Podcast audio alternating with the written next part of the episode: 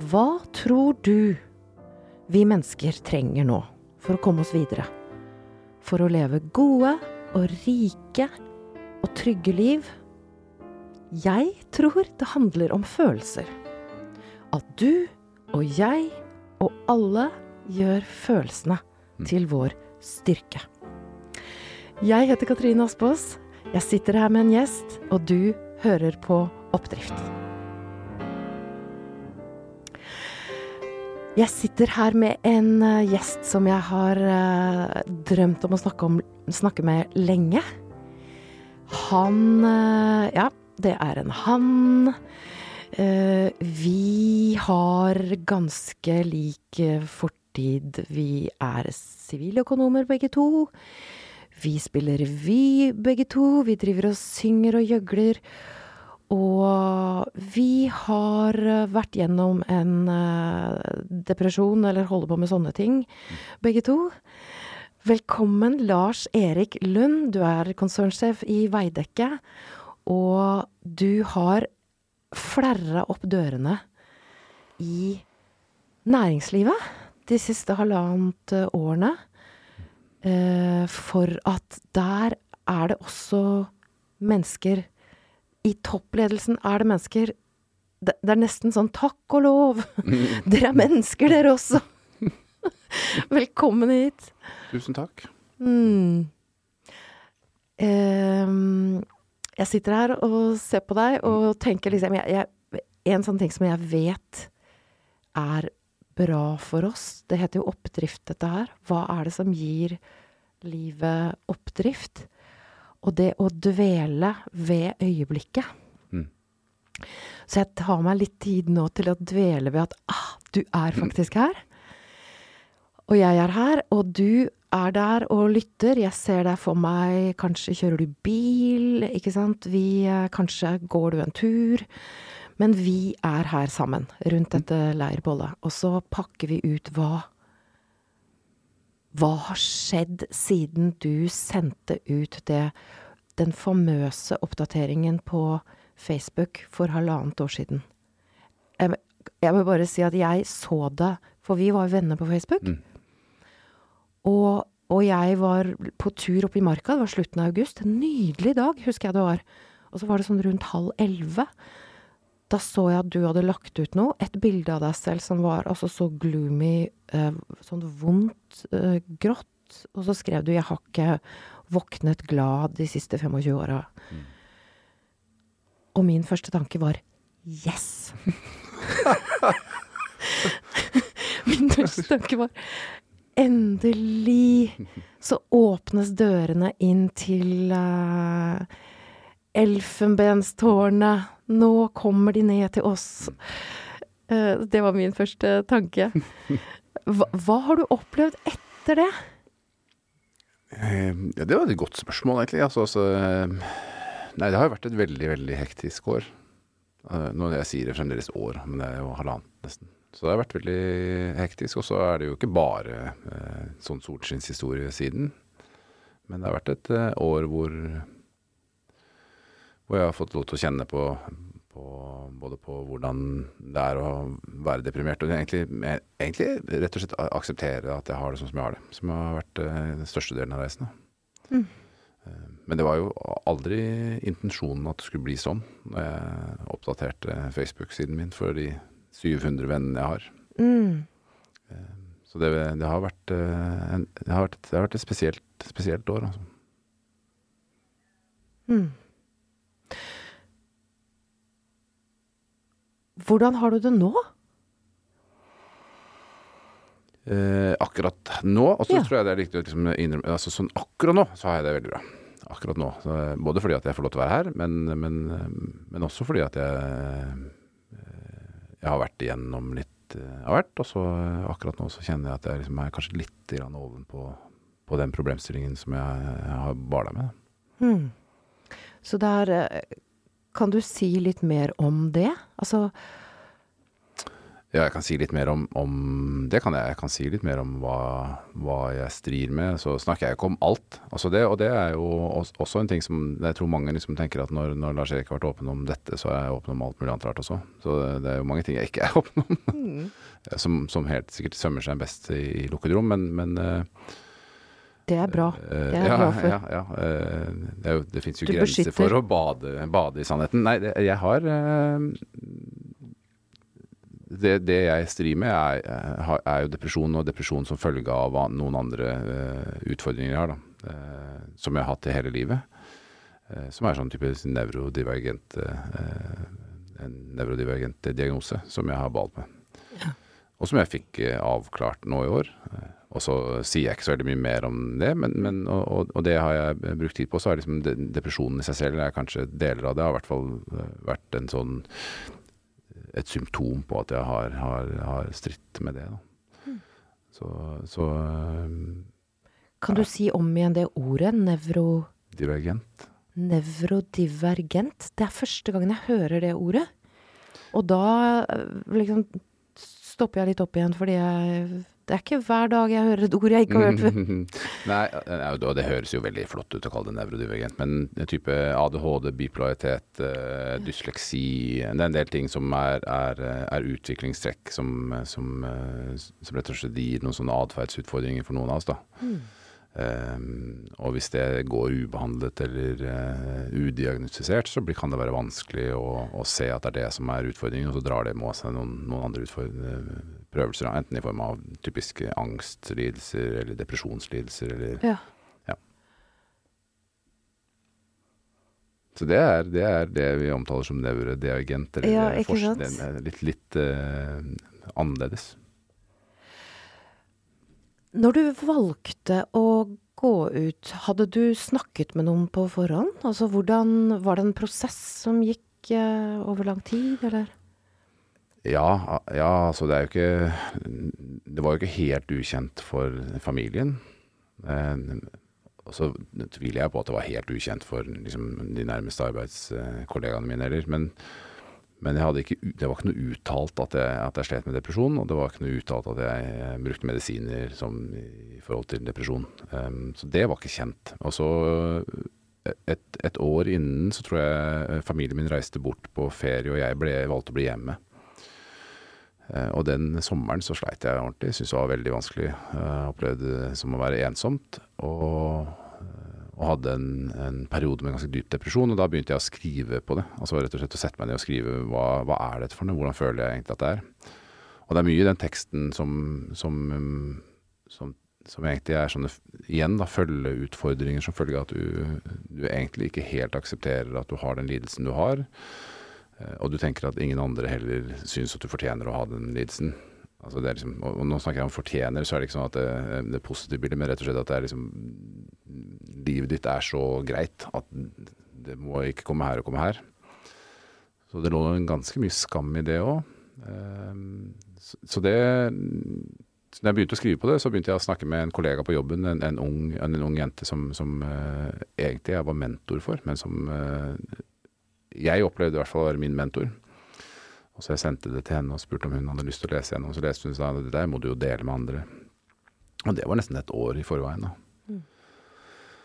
Og så var det til og fra om jeg skulle dele det, og hvordan jeg skulle dele det.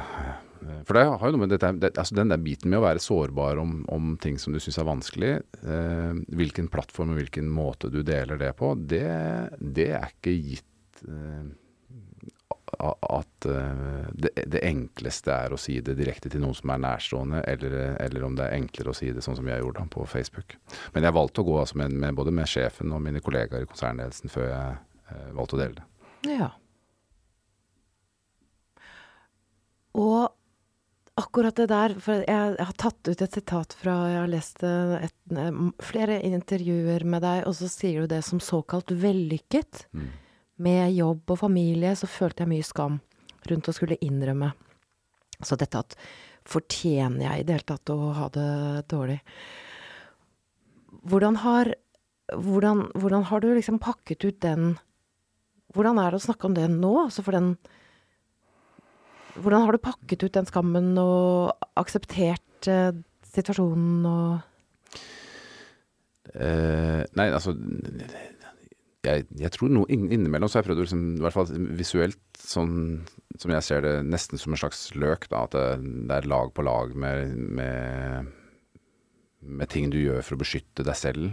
eh, som liksom ligger utenpå, utenpå, utenpå. utenpå. Eh, så når jeg valgte å si det som var det innerste, som egentlig var depresjonen, så, valgte, så ble de andre egentlig liksom mer dissolved av seg selv. Eh, men altså, jeg, jeg, jeg, uten at jeg vet om det, så går jeg ut fra at det er noen som tenker at Lars Erik, du er konserndirektør, du har millionlønn, du du har bil og kone, og du har stort hus i Asker og sånne ting. Så alt, alt dette her er jo på sted. Hva i all verden har du å, å, å skjemmes for, liksom? Hvorfor skal du ha det sånn? Jeg, jeg går ut fra at det er noen som tenker det. Men jeg tror at det er helt eh, altså uniformt distribuert, da. Eh, mentale lidelser. Så det er jo ikke sånn at du får mentale lidelser utelukkende som følge av at du har hatt det vanskelig i livet, eller ikke eh, liksom har hatt det tilstrekkelig grad med Eller ikke har to foreldre, eller at du har hatt en annen form for oppvekst. Det er ikke bare det som er årsaken til depresjoner. Det, og det, det vet man jo i statistikk òg. At det er, altså, det er minst like mange konserndirektører som det er vanlige folk i gata som, som får depresjon. Altså. Hva tror du er grunnen til at vi blir så eh, Hva skal jeg si så kjempeglad når eh, det kommer en, eh, en konserndirektør? Har du tenkt noe på det? Jeg er usikker på om det er så mange som blir kjempeglad. Jo. Det bare, Nei, men det er jo Men- åpenbart Altså, du har jo fått åpenhetsprisen til Mental Helse. mm, Du fikk eh, Norges handelshøyskoles alumnipris, mm. som ikke kanskje er sånn kjempestor for andre enn eh, oss. Men det er veldig stort. Altså, det Ja, er jo. Mm. stort, det også. Og det, for meg Så nå holder jeg meg og liksom feire litt. Jeg tillater meg å feire deg. For jeg, Mm. altså, du eh, Jeg opplever at du gjør en så utrolig viktig jobb der ute. Altså virkelig. Um, men jeg feirer jo også at miljøet, det gamle miljøet vårt, da, som jeg er kjempeglad i Hele handelshøyskolemiljøet og altså alle menneskene der, og alle som studerer økonomi, og veldig mange av dem går jo ut og blir ledere. Mm. Det er jo det de er trent til. Ja, det er jo Mm. det vi tror vi er trent mm, til, mm. men vi skal jo lede mennesker, og da Mm. trenger vi å være mennesker sjæl. Mm. Og, og det er det jeg opplever, at du åpner egentlig den døra inn til det å få lov til å være menneske. Også at du får puste, liksom. Ta av deg dressen og altså, Og det er jo inni der ligger det jo et gull. Det er jo der din genuine stemme kommer jo nå plutselig til Nå får vi høre liksom Lars Eriks genuine stemme, og jeg drømmer om å høre lederes genuine stemme. Mm. Altså, etter hvert så Men jeg, jeg, opple- jeg, jeg, jeg treffer det jo. Ja, og fortell om det. Jeg, jeg, jeg treffer ikke daglig, men jeg treffer veldig ofte, enten i form av kommunikasjon på e-poster eller på LinkedIn eller med en telefon eller en SMS eller andre ting som spør om kan vi ta en kopp kaffe, har, vi, har, du, har du rom og tid til å gjøre det, som er toppledere i norsk, norsk næringsliv, som har, er, er altså, advokater, analytikere, folk som jobber i corporate finance, som, som, som, har, som har utfordringer selv, og som velger å, å dele det med meg, da, rett og slett fordi jeg tror at det er ganske trygt å dele med meg. Hvor, hvor Der har du funnet en, en likesint, like gæren kar. To gærninger. Så, det, så det er det rom for det. Nei, hvor, og, og hvorfor er det så innmari fascinerende at jeg som er le, eh, leder, eh, eller har den tittelen jeg har, faktisk er åpen om depresjon? Jeg syns jo det er kjemperart at man syns det er eh, noe spesielt unikt eller fascinerende over det. Jeg, altså, jeg, jeg, jeg, jeg ehm, Men hva var intensjonen din med da du valgte å hva, hva, var, hva var det du håpet å oppnå? Ja, jeg opplevde, at, jeg opplevde jo at jeg levde på en løgn. Altså at jeg hadde, og, og, og i mange, år egentlig levd på å spille en rolle. Egentlig som skuespiller, gå inn på jobben og være denne, denne figuren. Og dette er personene, dette er identiteten min, dette er alt det som liksom bygger opp rundt meg, og så var jeg en annen. Så, øh, og, og det å Én ting er, det er sikkert mange sånne gode skuespillere som kan gå inn og være sånn karakterskuespillere og virkelig leve seg inn i den situasjonen, men, men uh, over tid så oppleves det rett uh, som et veldig, veldig stort uh, Som en avgrunn mellom den jeg var på jobb, og den jeg egentlig opplever at jeg er, da. En avgrunn. Du gikk inn og spilte en rolle. Mm. Um, så da hører jeg deg si, eller jeg lager meg en historie da om at du ønsket å egentlig bli fri, da. At du ønsket å få en sammenheng mellom den du Ja, altså, det var sikkert ikke like analytisk som det, men, det, men, men innerst inne så kan sikkert det, det kan man altså øh, si, Ja, ja det, det, er ikke, det er ikke usant. Det er bare det at jeg tenker jeg, jeg, jeg har nok ikke så fine ord på det når jeg tenkte det. Men det jeg tenkte var at det var desperasjon. Altså. Det var at nå må, okay. folk, nå må folk få lov til å eller, eh, det var jo mitt behov for å snakke om hvem jeg er. Det var, jo ikke, det var jo ikke sånn at jeg gjorde det for at jeg skulle være en god leder og sårbar leder. Jeg gjorde det rett og slett for at dette her var det eneste valget jeg hadde igjen. Hmm. Altså Mye av depresjonen ligger jo Og det ligger jo i å oppleve at du lever et liv som ikke er det livet du Du hadde verken forespeilet deg, eller som du tenker at du reelt sett er. Mm. Jeg tror også at når jeg gikk ut fra Handelshøyskolen, at jeg gikk egentlig inn i en sånn en, en litt sånn tydelig forventning om hva betyr det å være siviløkonom. Mm. Hva slags type karriere er det du har da? Hva er det som eh, anerkjennes som Legitimt. Suksess, liksom. Mm. Hvilken rolle er det vi spiller? Det er, det er, det ja, det er mange ting med den siviløkonomtittelen som liksom, Hvorfor i all verden studerte jeg det in the first place? Nå syns jeg jo det er veldig spennende. Eh, Nå syns jeg alle de fagene er eh, mer spennende enn noen gang. Men eh, Men jeg, jeg, jeg eh, fra dag én, altså, går inn, og det tror jeg veldig mange gjør, går inn og så spiller de den rollen og tenker at dette er den rollen jeg skal ha, dette er, dette er den personen jeg skal ha, dette er den rustningen jeg tar på meg i form av å ha på meg en form for uniform som er riktig mm. og passende. Og så lager du et skall, da, med noen masker til som, som er designet for å beskytte den du egentlig er. Ja, kjenner til det. Det høres eh, kjent ut. Hva, hva Har det skjedd noe? Altså etter at du da tok av deg det skallet For det gjorde du jo nesten litt sånn Mm. brutalt at du reiv av deg Mm. rustningen, liksom, i den Mm. Har du Har det skjedd noe i dagene dine, eller i hvordan du har det på jobben, eller hvordan du, Går du fortsatt og spiller en rolle på jobben? Ja, det kan man stille. Nei, nei jeg, gjør, jeg prøver jo så godt jeg kan å ikke gjøre det.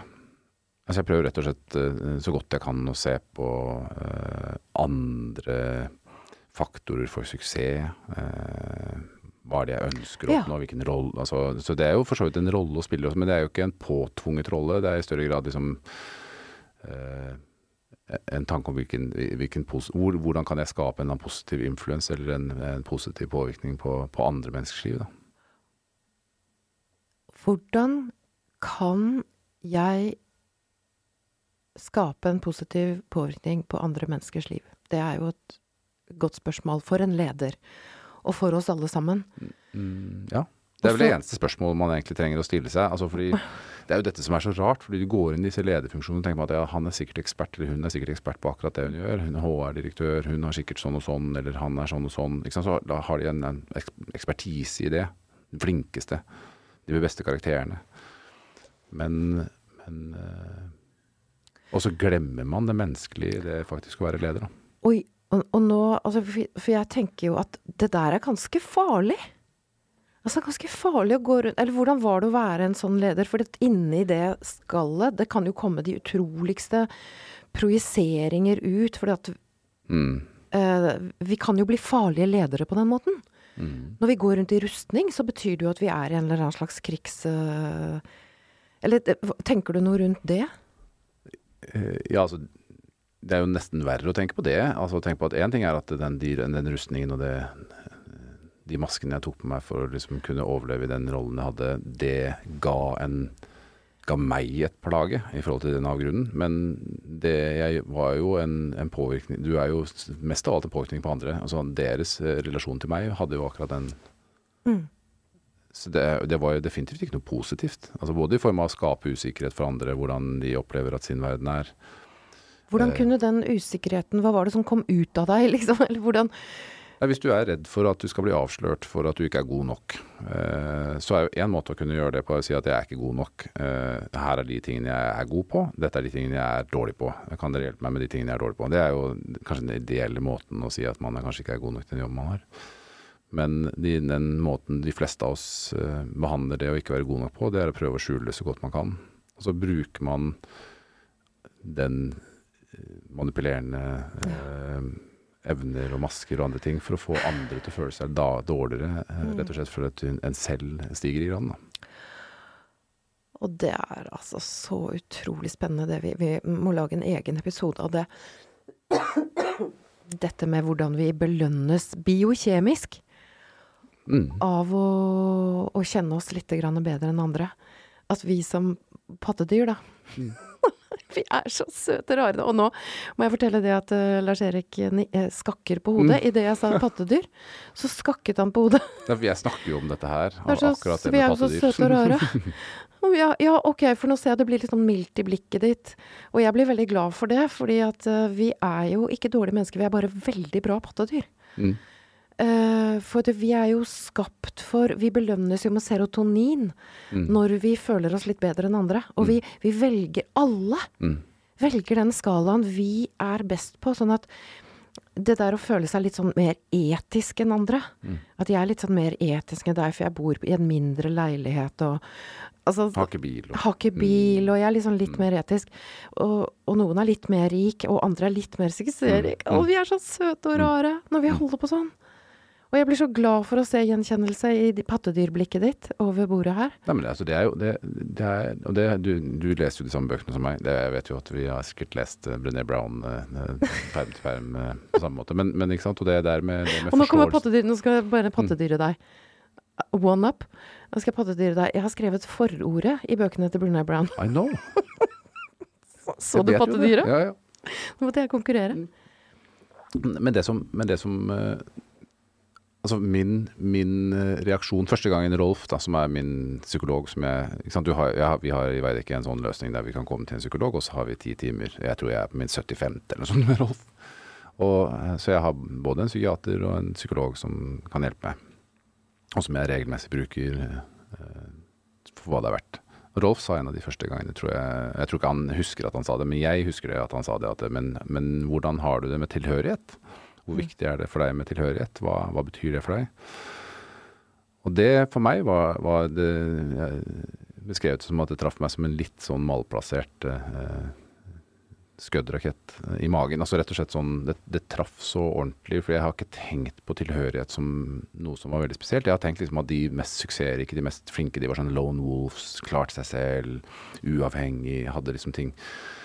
Og så får du liksom det der inn med, med at Men det er jo biologisk liksom tikk det det er et eller annet i mennesket som gjør at vi har behov for den tilhørigheten. Og det er et utviklingstrekk som har gjort oss til de vi er i dag. Og så begynner du å lese frem i dette, enten det er Rutger Bregmans liksom, bok om, om, om humankind, liksom, du ser at det liksom, det sånn og dette er behovet for å være snill, behovet for å, å gjøre eh, andre be... Altså alle disse empatiske egenskapene som vi har, som mennesker som ingen andre har. Eh, Så for meg så ble det at hvis, med, i, fare for å miste tilhørighet Med fare for å miste tilhørighet, så gjør man omtrent hva som helst for å unngå det. Mm. Og det er den eh, rustningen jeg tar på meg på jobben. Det er viktigere det, fordi redselen for liksom, å vise at jeg ikke er god nok, at jeg er deprimert og sånne ting, at jeg skulle fortelle det, det skulle på en eller annen måte gjøre at jeg ikke hadde den tilhørigheten jeg egentlig følte at jeg fortjente. Da. Så for å beskytte meg for det, så har jeg vært nedlatende. Jeg har vært eh, sånn overlogisk med å ha vært en bølle overfor andre mennesker, rett og slett for å liksom distansere meg fra de og vise de at jeg er bedre enn deg. Fordi jeg fortjener denne tilhørigheten. Så du egentlig skaper egentlig eh, dårlig stemning for å sikre at du eh, har den tilhørigheten du trenger. da. For meg, så når, når, når de, de tingene her ble diskutert, og vi snakket om det biologiske i det, og hvordan reinsdyr i flokk har noen som løper ytterste ring og er veldig oppmerksom på hva som skjer utenfor, og noen som løper Altså hvordan, Organiserer vi oss? hvordan vi organiserer oss, hvordan vi sikrer oss, hvordan eh, flokkmentalitet og det å ha tilhørighet at, vi, at det er viktig for, for både eh, produktivitet, det er viktig for velvære, det er viktig for å, å ha lavt nivå på kortisol, det er viktig for liksom hele biokjemi. Det er eh, i seg selv en dopamintrigger, liksom. Når alt dette her eh, kommer til sin rett, så blir det liksom Men se, hvorfor ser vi ikke det? Hvorfor tenker vi at perfeksjon er den eneste måten å sikre at jeg har tilhørighet, når det som er viktig for å ha tilhørighet, er å vise til hva du ikke eh, er perfekt på. Så for meg så blir det sånn dette, Plutselig så ser du dette, så er det sånn Hvorfor er det ingen andre som ser dette her? Jo, og ennå flere og flere. så ser vi det. Det kom, popper opp. Men jeg er så nysgjerrig nå, for du, nå snakker du om kjernen, og jeg sitter og Jeg kjenner at jeg blir helt sånn blank i øynene, fordi at det er Akkurat nå kjenner jeg tilhørighet. Mm. Ikke sant? Jeg kjenner en tilhørighet med deg, jeg kjenner en tilhørighet med alle som, altså deg som sitter og hører på. Jeg er utrolig nysgjerrig på hvordan dette vi snakker om lander hos deg. Din erfaring med tilhørighet. Hvor kjenner du tilhørighet? Og jeg sitter og kjenner på tilhørighet akkurat nå, og det er en så god Det er den aller beste følelsen. Og så er jeg nysgjerrig på hvor du kjenner tilhørighet, eh, Lars Erik, nå. Etter at du jo har gått ut i fa altså med fare for å miste tilhørighet Mm. så gikk du ut og desperat fortalte at liksom Jeg har det så dårlig. Hjelp meg. Hvor kjenner du tilhørighet nå? Altså, øh, Eller har det skjedd noe på den fronten? ja, ja, ja, det har skjedd flere ting i det. Altså Rett og slett øh, fordi tilhørigheten hos mennesker som er autentiske og sanne, øh, er lettere. Det er lettere for folk å føle. Så jeg, det er jo flere som tar kontakt med meg som har utfordringer med egen eh, mentale helse, med utfordringer med egen familieliv, utfordringer med egne i forhold til rus, som tar kontakt og sier kan vi snakke sammen. Så, og det skaper jo seg selv en tilhørighet. Altså det at du faktisk opplever at du er av en verdi og har eh, for andre, da. Eh, men det krever jo på en eller annen måte, på samme måte som jeg tror man, man gjør med altså med, med, med ordinær rus, da, at det at du aksepterer at du har utfordringer med rus, det er liksom første trinn på å komme en reise bedre. Det å akseptere at du selv sliter med disse tingene, det er liksom første trinn på reisen. Så det å det høres jo teit ut, altså, men tilhørighet i ditt eget skinn, altså den aksepten for at det er sånn jeg er. Eh, og når du begynner å forstå at folk eh, Og det er kanskje det fine med Og som gjør at jeg egentlig har mer tro på norsk næringsliv enn jeg hadde før, det er at jeg eh, Ledere i, i norsk næringsliv, eller i næringslivet generelt, tror jeg er bedre enn det vi gir de rykter for å være vi tenker på en eller annen måte at hvis jeg, Og det er så mange hos meg som, som, som snakker med meg, også i Veidekke, men, men andre steder som sier at jeg, ikke, jeg kan ikke si det til sjefen min. Fordi sjefen min vil ikke akseptere det. Så jeg prøv. Så jeg, jeg, så I ni av ti tilfeller så, så vil du være positivt overrasket over hva de faktisk eh, evner å ta til seg og forstå. Og rett og slett deres eget behov for å også føle at de er betydning for deg som Den medarbeider. tilliten. Og den, den tilhørigheten de selv skaper med sine medarbeidere, den, eh, altså alt dette her er, er elementer. Og så er det selvfølgelig mange som syns det er vanskelig å håndtere det. Men jeg kjenner på en fortvilelse her også. Nå fikk jeg eh, kontakt med henne. At det skal være så vanvittig tabu. Eh, at, det, uh, at det er et sånt At vi kan være så sjuke fysiske vi bare vil. Mm. Uh, men når det kommer til å Den helt normale livssmerten, liksom, som kanskje er blitt kapslet inn og blitt noe annet, eller at vi fra naturens side har en eller annen sårbarhet som Altså som du forteller om at du har fått pakket ut uh, nå, da, men at det skal være så Fortsatt! Hva, hva tenker du på det? Det er en fortvilelse jeg kan kjenne på akkurat nå.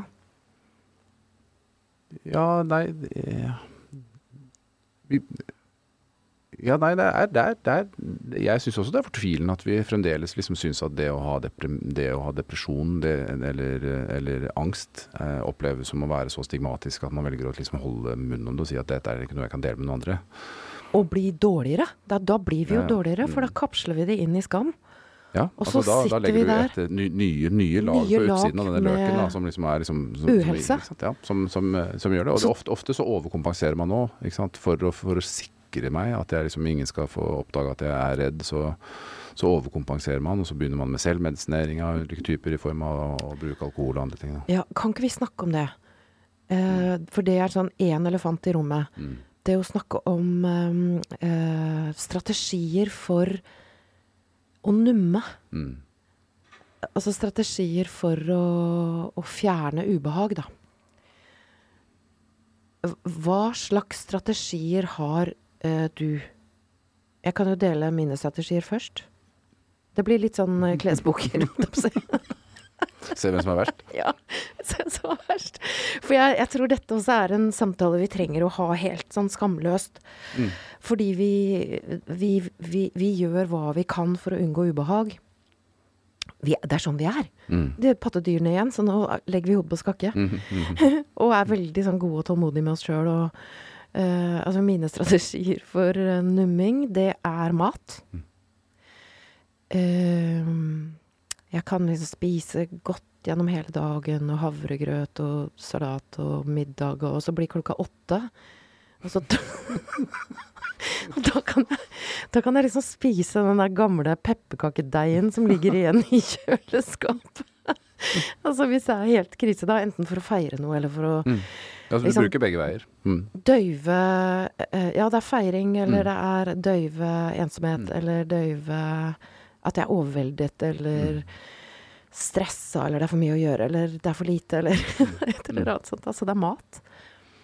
Og så er det øh, ja, Netflix og sånn binging Mm, mm. og sånn. Lydbøker har jeg funnet ut at jeg sovner til lydbøker. Uh, altså, det, jeg sovner inn til Mm. lydbøker. Jeg, har, jeg finner noen sånne stemmer som jeg syns er helt vidunderlig å høre på. Og så sovner jeg til dem.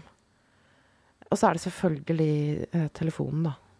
Mm. Altså, Scroll, scrolling. Scrolling og Mm. likes og få et sånt lite dopaminkick der. Og så blir jeg jo kjempeskuffa, da, for det er ingen som har likt noen ting.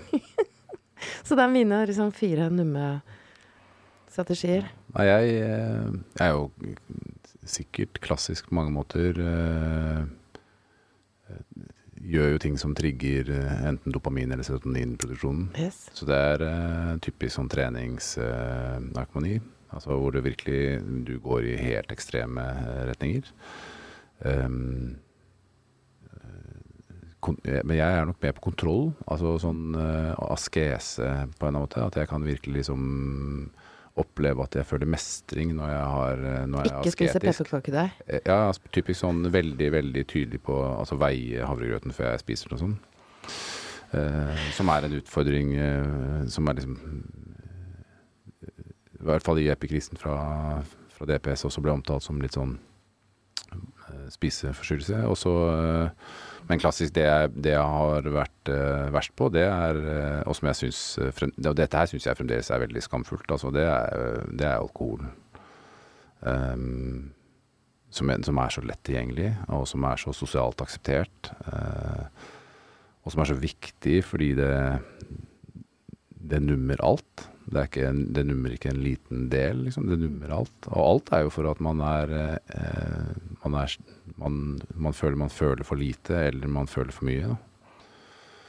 Så for min del så er det eh, alkohol etter arbeidstid, og ofte etter at eh, familien har lagt seg, et, eh, sittende og se på TV og, og, og ikke med en to, to glass vin, liksom. Det er ikke noe sånn, det er ikke binging, men det er bare rett og slett bruke det som Mm.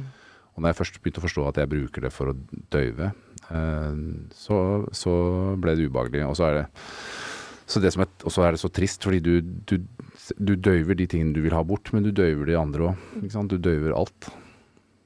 Så, og så er du dårligere på morgenen igjen og har så liksom, Å veie, veie havregrøten om morgenen og så drikke to glass rødvin etterpå og tenke at det er helt ok Det, Det er en slags balanse i det, da.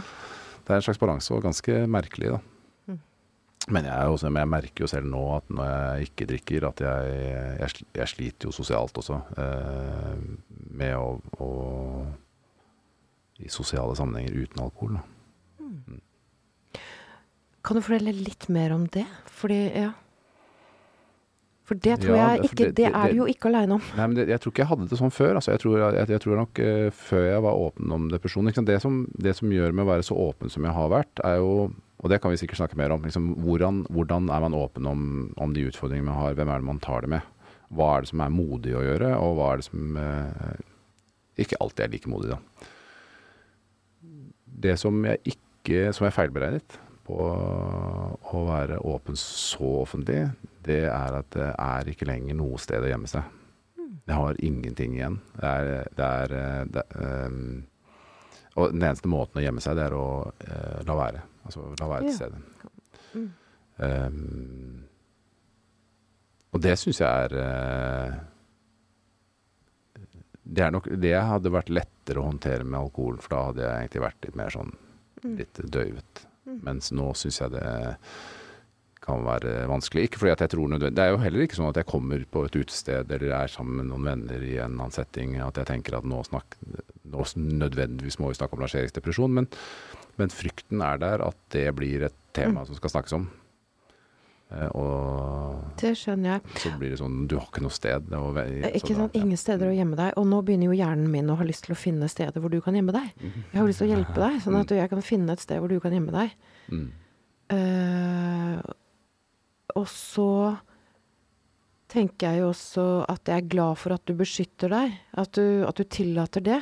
For det er ganske ferskt, dette her. Du sitter jo fortsatt midt oppi i Ja, stormens dette er, øye, dette er ikke jo sant? Lars-Eriks-depresjon minutt for minutt. Det er, ikke, det er ikke sånn at jeg er ferdig. Her er liksom Det var det kona di som kalte Eh, ja, ja, ikke sant. Der ingen kunne tro at noen kunne bo. Ja, det er kona di, for det er jo også elefanten i rommet. ikke sant? Hvordan går det med familien? Hvordan, har- hvordan, har, hvordan har det her påvirka familien? Kan du gjemme deg der? Ja, og det gjør jeg nå også. Altså, nå, jeg kommer ikke til å snakke så mye om familien, Nei. men, jeg, kan, jeg, kan, eh, jeg, kan jo snakke noe generelt om det at familien er det som er, eh, ofte er, eh, er den spisse enden av, av en depresjon, eller av en mental eh, lidelse. Eh, Og, og spesielt ting som eh, For meg så var det sånn i, i- i jobb, det å, det å beskytte seg på jobb og, og sørge for at du alltid hadde allting på stell på jobb, gjorde at du ble så sliten når du skulle hjem at du, du tok med deg de følelsene du hadde. De var jo ikke borte. Så de, og så lemper du det ut på familien da, i større eller mindre grad. Har, du, har, har det skjedd noe endring der? Ja, det er jo i hvert fall skjedd en endring for at vi har vi, eh, er, vi snakker mye om det. Ja. Snakker mye om det, og så og så blir man, altså Det å være deprimert hvis du, du vet at det å være toppidrettsutøver det tar 10 000 timer. Altså Jeg har helt sikkert 100 000 timer i å være deprimert. så Jeg er liksom, Du er kjempegod. Du, jeg må rett og slett avtrene deler av de tingene. fordi det er, en, det er en veldig trygghet å gå inn i depresjon. Da, ikke sant? Og, det, og, det er jo den andre siden av det. at det, når det er åpen om det, og folk tenker at nå er du frisk, nå bør du bli friskere, nå blir du friskere, så er det veldig lett for meg å tenke at ja, men jeg har Nå må skal du jeg- skal jeg- levere på det. Skal jeg slippe det helt bort, liksom? Fordi det er en, En det er en sånn nummen eh, komfort i det å, å, å bare være inni seg selv og synes synd på meg selv òg. Nå sitter jeg og tenker at denne samtalen her så kommer til å ende med at folk tenker at Gud hjelpes, han har jo ikke begynt på halvparten av det han eh, liksom, Det er mye ting han skulle ha snakket om. Men, eh, men sånn, hvor gæren kan man bli? Jeg Der, tenker at uh, Men det er jeg, Altså, det jeg er Jeg, jeg tenker at, det, at vi skal være så flinke, ikke sant. Altså, det er jo at du må være en sånn flink deprimert som blir frisk igjen. Det kan du også bli Vi sitter jo med en dramaturgi. Det er jo igjen dette pattedyrets Det er en grunn til at vi har happy ending i filmer og sånn, ikke Mm. sant. Altså, vi, vi klarer nesten ikke å forholde oss til et eller annet som går, uh, går så Nei, men, dårlig. det, men, det, men Sånn det er årsaken til at man, ikke, man, man ofte syns det er vanskelig å ta det opp med noen man er glad i. Det å ta opp mental lidelse med noen du er veldig, veldig nær og veldig glad i, som ikke vet om det. Det er jo at i en sånn anledning der det bare er du og meg, eh, så kan du på et gitt tidspunkt si at ja, men dette er gidder jeg ikke, Lars Erik. Mm, absolutt. Altså, og da er vi tilbake til det du Altså det som er det store motet for oss mennesker. Det er å gjøre noe eh, Du sa det så fint i sted. Eh, det er i, i fare for å miste tilhørighet. mm, Så gjør jeg dette. mm. Fordi det er så viktig. Men det gjør du ikke på Facebook. Altså Når du, gjør Nei. det, når du offentliggjør dette her på Facebook, så, Ja. så mister du ingen. Nei. Det er i hvert fall ingen som er, er, Hvem er det som liksom setter seg Du har ikke noe unlike-button, det er nummer én. Og du har heller ikke mulighet Altså det, er veldig, det ville vært eh, De som misliker at jeg gjorde dette her Jeg går jo ut fra at det er ganske mange som sikkert gjør. De har bare ikke De trenger ikke å bry seg. Mm. Men i en setting der du og jeg hadde snakket om dette her, og jeg hadde fortalt at jeg er deprimert, jeg sliter med det, og jeg, jeg må faktisk ha medisiner til å gjøre, og du tenker at fy faderen, det Det kan ikke jeg være med på. Nei.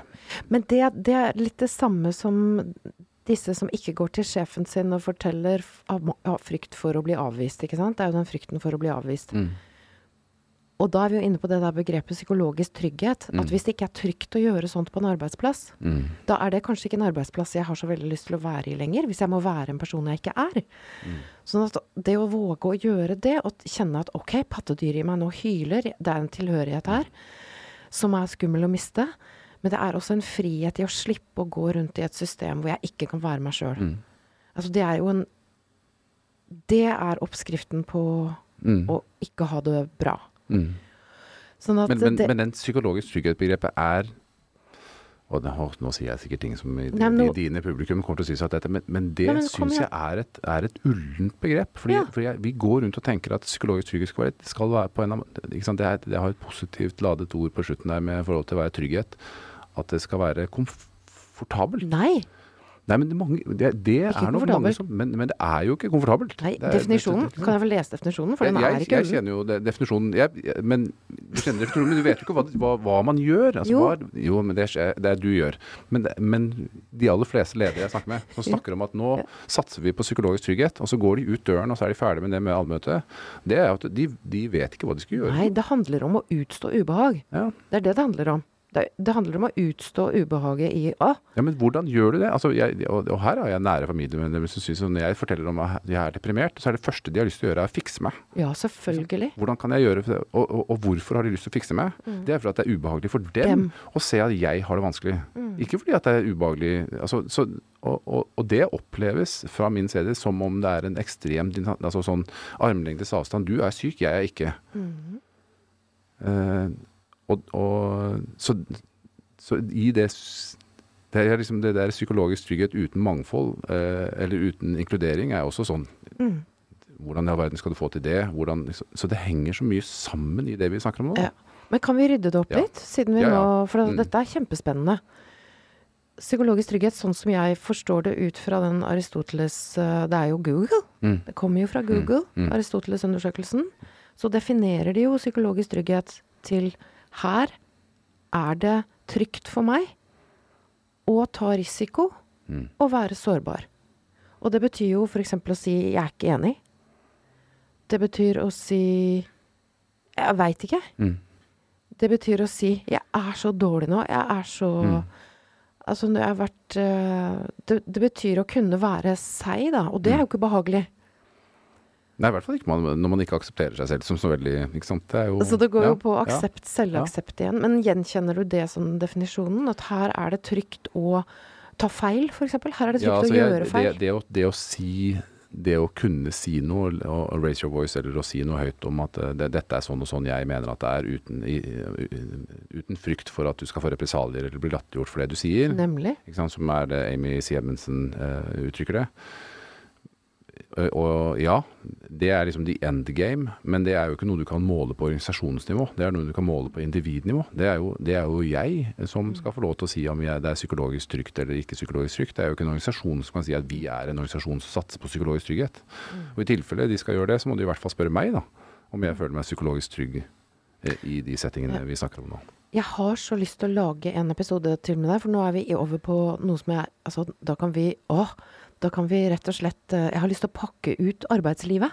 Mm. Altså, for sitter, vi sitter her tross alt Du har vært konsernsjef i mange, mange år, jeg er ikke konsernsjef, altså.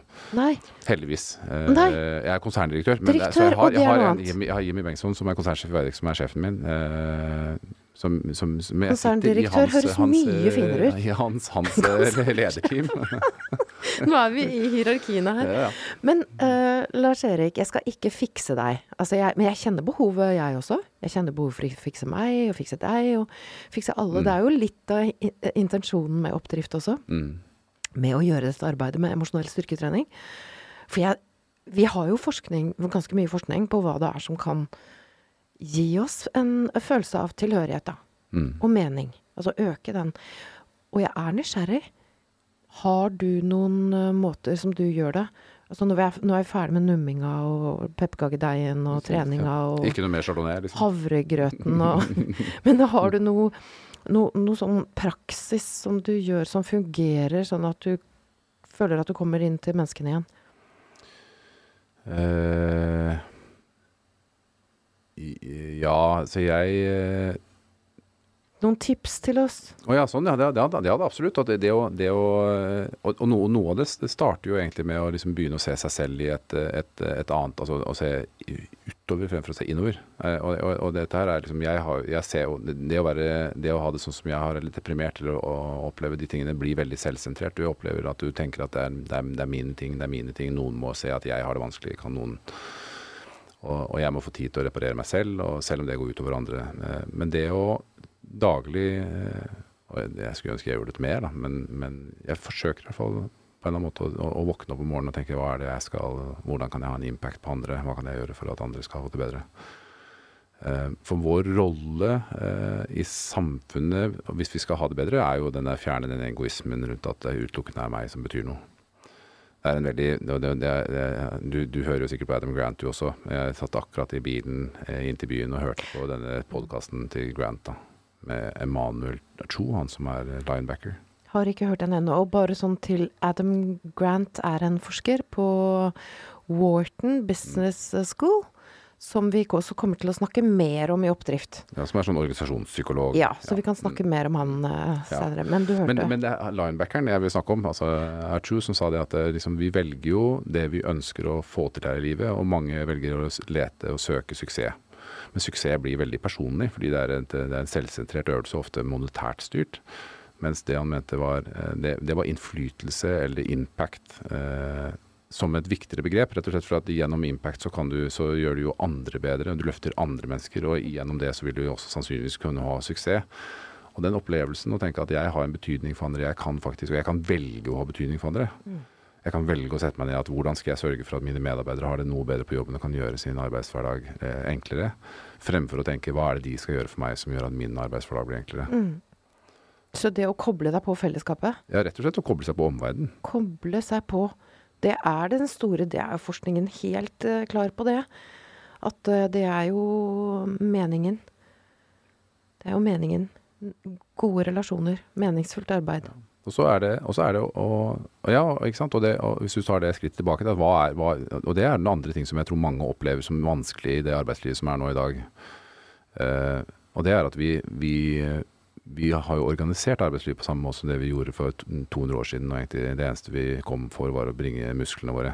Hvor det var naturlig at det var de maskuline og det var mennene som kom på jobb, fordi de hadde større muskler. Og så sitter vi i dag og tenker at det er akkurat samme måte vi driver virksomheten på. Men vi, nå har vi jo kommet så langt at vi er til og med forbi at hjernen liksom er det viktigste. Nå er det, jo, nå er det jo følelsene som er det eneste som skiller oss fra de store datamaskinene. Eh, Fortell men, hva jeg driver med nå. ja, nå, nå driver du og danser. Revyaktører, altså. Så det, og, det, og det misforstår vi nok ofte. Ikke sant? Fordi vi, vi og, og, da liksom, og I en sånn vanskelig hverdag, da, hvor, hvor, hverdagen er jo ikke clear cut, det er jo ikke sånn at her er arbeidsoppgaven, gjør den, ferdig med den, nå ser jeg liksom helt klart og tydelig at min arbeidsoppgave er ferdig så er vi som ledere, tror jeg, ofte dårlige på å avklare hva forventningene er til at du, når du skal få ting ferdig, eller hvordan det skal se ut, eller hva, hvordan vi skal jobbe med det sammen. Mm. Og i den eh, mangelen på den, de, de, forventningene, så lager i hvert fall min hjerne lager noen antakelser om hva som skal til. Og den antakelsen den er ikke liksom basert på middelmådighet, altså. Mm. Eh, så den er basert på perfeksjon. Oh, hmm. Og så har du nå Grunnen til at du sitter her, da og grunnen til at du faktisk går hver eneste dag og har betydning for andre, det er at du har vist det motsatte av perfeksjon. Altså, du har jo utført eh, Altså, du har jo gjort det motsatte. Det er det som har Det er det som får den Det er jo det som er det paradoksale. Det er jo mm. det som er det paradoksalt vakre. At når du er Går og viser den innsiden av løken, eller mm. forteller sant fra eget liv, da, så, for, så er det det som skaper kontakt. Perfeksjon mm. skaper jo det motsatte. Skaper mm. jo distanse. distanse. Det er jo ment Avstand, for å skape distanse. Ikke sant. Sånn at vi Det å finne veien tilbake til hverandre, det er jo det du så veldig viktig eh, gjør. Og har gjort eh, det siste halvannet årene. Vi går inn for landing. Jeg gleder meg til å, å gjøre en uh, Du kommer tilbake? Ja, gjerne, hvis jeg får lov. Lov meg at du kommer tilbake. og tusen takk til deg som har brukt din dyrebare tid på å høre på eh, oss være sammen med oss her rundt dette leirbålet av numming og um, rørende menneskelighet og pattedyrvirksomhet. Vi fortsetter samtalen i emosjonell styrketrening på Facebook. Der kan du bare melde deg inn, og så fortsetter vi vår emosjonelle styrketrening der. Og husk å være god og tålmodig med deg sjøl. Vi høres.